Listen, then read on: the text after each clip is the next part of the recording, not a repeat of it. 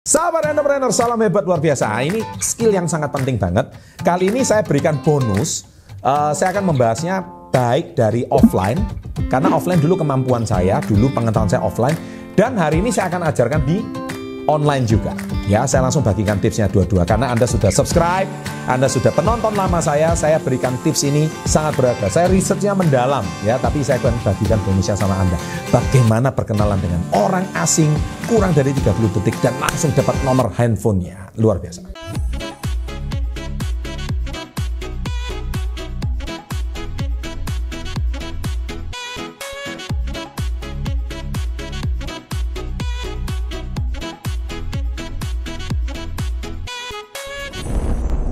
Nomor satu, ini tips yang nomor satu, yaitu Anda harus memperkenalkan diri. Ya, cara memperkenalkan diri yang paling gampang itu apa sih? Ya jelas senyum, ya kan? Senyum. Loh Pak, saya senyum ini susah. Makanya senyum itu harus berlatih. Senyum yang paling bagus itu senyum di depan cermin. Terus ada di kolom komen pasti ngomong ngomong gini, Pak kalau senyum-senyum sendiri gimana? Ah, kita ini lagi ngomong serius, Anda jangan bercanda.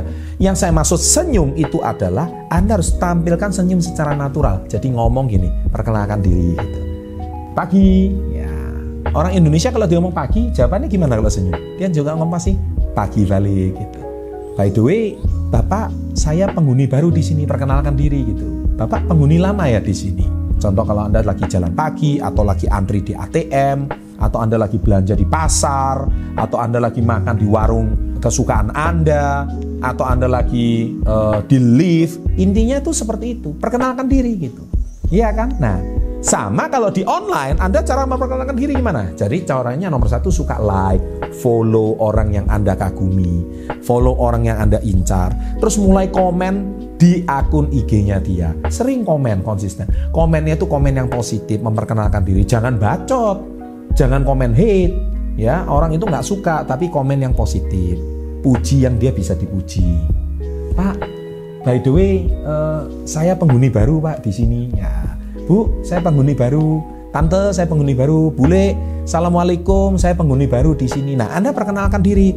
Tolong saya dibimbing ya kalau saya eh, nggak tahu jalan di sini atau saya bingung di sini. Nah, ketika Anda memperkenalkan diri, kebanyakan first impressionnya orang itu akan senang.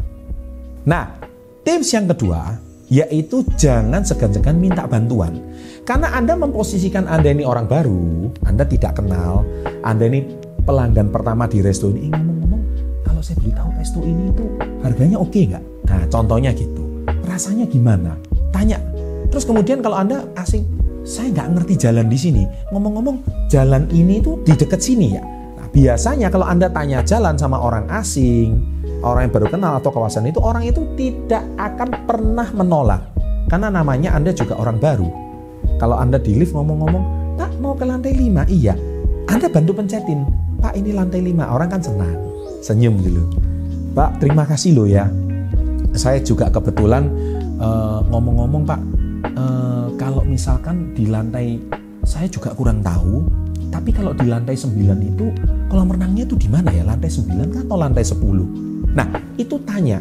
Oh, saya juga nggak tahu. Saya kebetulan juga orang. Oh, kita sama-sama ya. Orang baru ini di sini. Nah, itu contohnya seperti itu. Jadi Anda dalam waktu 30 detik, Anda harus punya waktu yang sangat cepat untuk memberikan impresi yang bagus. Salah satunya juga yang saya paling sering pakai adalah kalau misalkan keluarga itu orangnya banyak, puji anaknya.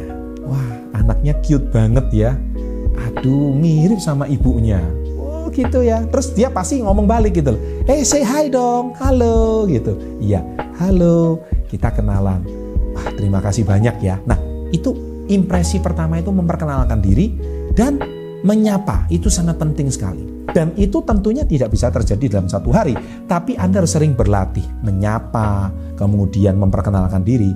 Anda nggak boleh bi terganggu dengan kata-kata, oh sok kenal, sok dekat loh. Nggak bisa. Karena kata-kata sok kenal, sok dekat itu tergantung cara Anda mengimpresikan diri Anda dengan orang asing itu gimana. Orang itu merasa nyaman nggak? Orang itu merasa diri Anda itu kayak orang baru nggak?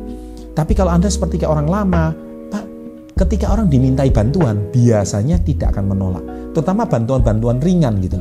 Eh, Pak, ngomong-ngomong saya ini kan penghuni baru di sini.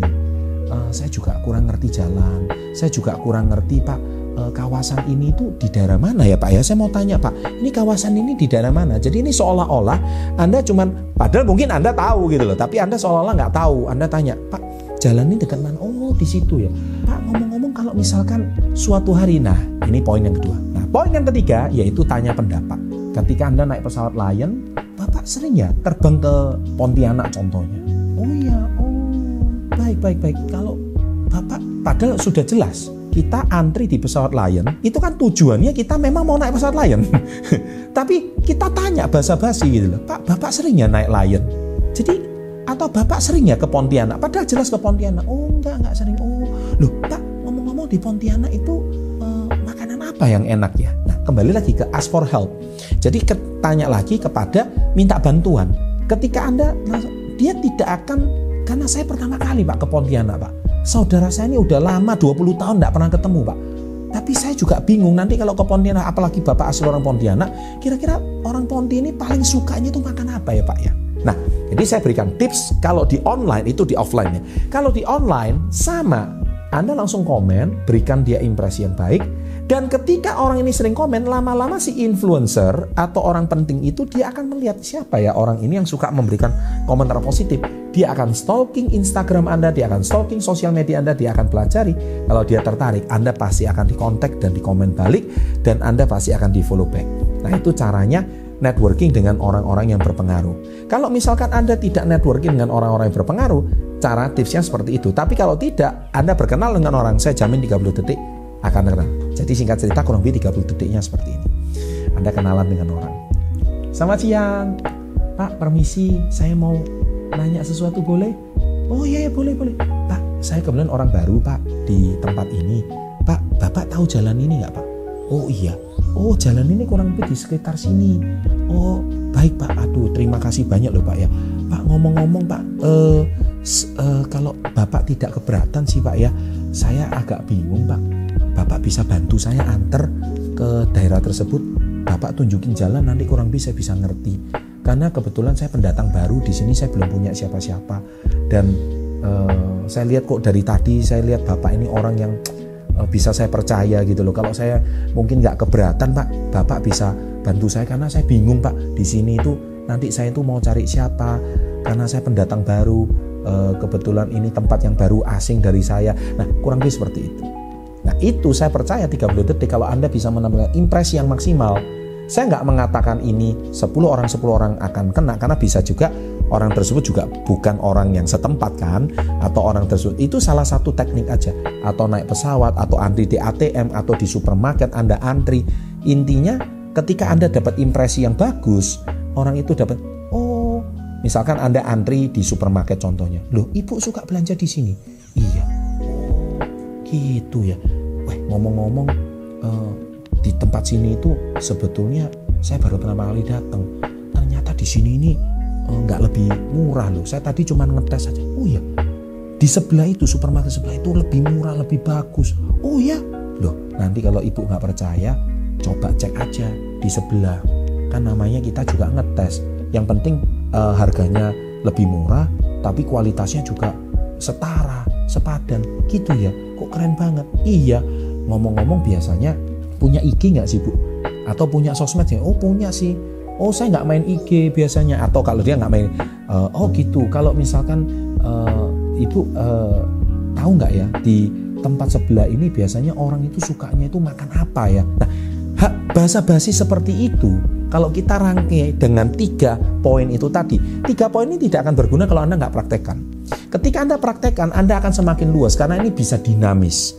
Saya percaya kalau ini dinamis, Anda bisa mengeluarkan kata-kata karena itu sangat berhubungan dengan mimik wajah, mimik muka, kondisi setempat. Itu bisa banyak sekali kemungkinan untuk orang itu bisa merasa nyaman dengan Anda. Nah, ketika Anda dapatkan 30 detik, Anda dapatkan tips ini nyaman banget. Saya percaya 30 detik itu hasilnya sangat luar biasa.